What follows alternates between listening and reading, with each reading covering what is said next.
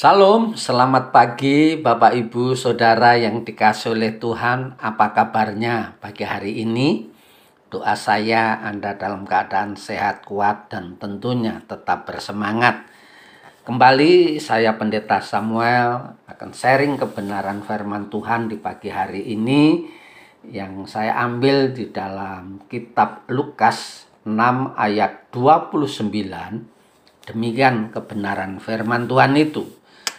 Barang siapa menampar pipimu yang satu, berikanlah juga kepadanya pipimu yang lain. Dan barang siapa yang mengambil jubahmu, biarkan juga ia mengambil bajumu. Haleluya. Ibu, bapak, saudaraku yang dikasih oleh Tuhan, pagi hari ini saya kasih tema atau judul renungan singkat ini, yaitu lembutkan hatimu. Sahabat podcast yang dikasih oleh Tuhan, ayat yang baru saja saya bacakan di mana ditujukan kepada setiap orang percaya Tuhan Yesus hendak mengajarkan kepada setiap kita agar supaya memiliki kualitas kehidupan yang baik di dalam kekristenan ini. Hidup kekristenan kita harus berbeda dari orang-orang yang ada di dalam dunia ini karena kekristenan itu memiliki standar hidup yang luar biasa. Di antaranya adalah kelembutan hati.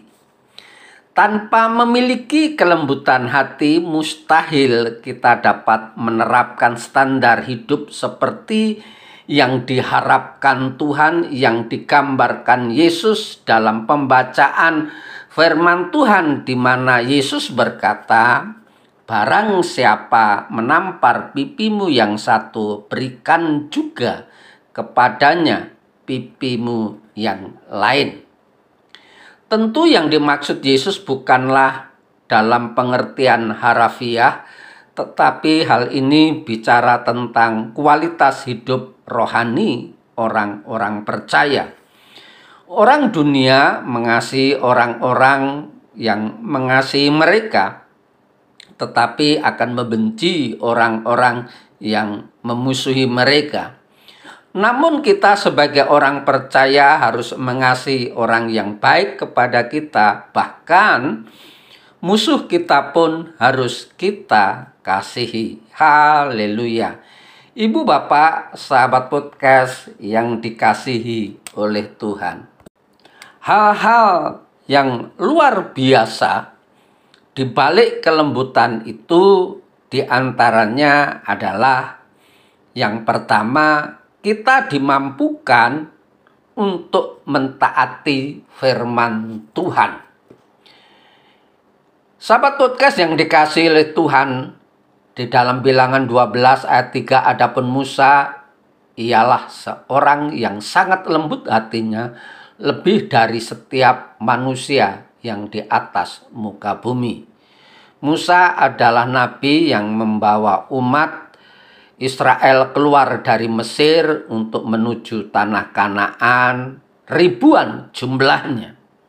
Sebagai seorang pemimpin, dia tidak sombong namun dia memiliki kelembutan hati.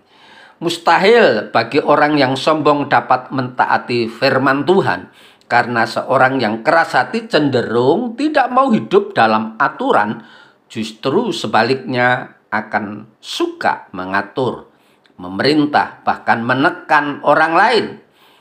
Tetapi seorang yang lemah lembut atau lembut hatinya pasti adalah seorang yang rendah hati dan mau dengan setia mentaati firman Tuhan sekalipun berat untuk dilakukan. Yang kedua, karakter yang dikehendaki Tuhan. Kelembutan hati ternyata adalah karakter yang dikehendaki Tuhan. Allah membenci orang-orang yang sombong, angkuh, tinggi hati.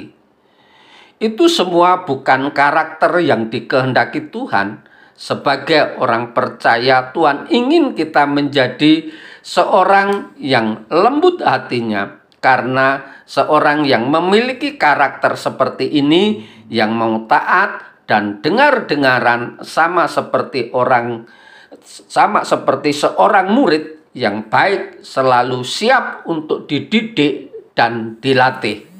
Dan yang ketiga, di balik perintah untuk kelembutan hati, Tuhan menggendaki agar saya dan saudara kita hidup mengampuni.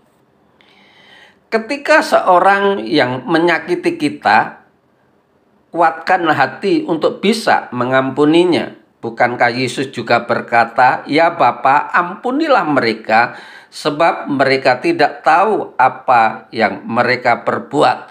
Saat Tuhan Yesus di kayu salib pun melepaskan pengampunan kepada orang-orang yang menganiaya Tuhan Yesus. Sehingga pengampunan itu diminta kepada Bapa agar supaya Bapa mengampuni mereka yang melakukan tersebut. Kita pun hendaknya sama seperti Yesus dalam hal mengampuni. Haleluya.